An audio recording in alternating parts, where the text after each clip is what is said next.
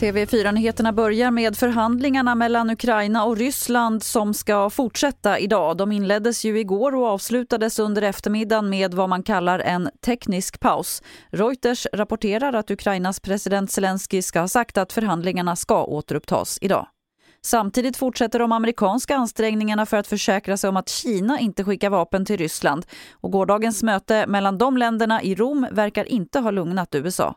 Kina har tidigare totalt förnekat att de skulle ge militärt stöd till Ryssland.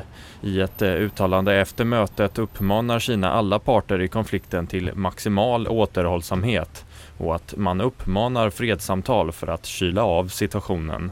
Men man kommenterade däremot inte de amerikanska uppgifterna om militärt stöd till Ryssland. USA gav under mötet Kina en skarp varning om att exempelvis skicka vapen till Ryssland. Reporter här var Noah Tott. Igår genomförde en kvinna en kupp på rysk stats-tv. Hon sprang in bakom programledaren i en nyhetssändning och höll upp en skylt med texten “Nej till krig, tro inte på propagandan”. Kvinnan jobbade själv på tv-kanalen och ska ha gripits efteråt. I Ryssland får man inte kalla invasionen av Ukraina för krig. Fler nyheter finns på tv4.se. Jag heter Lotta Wall.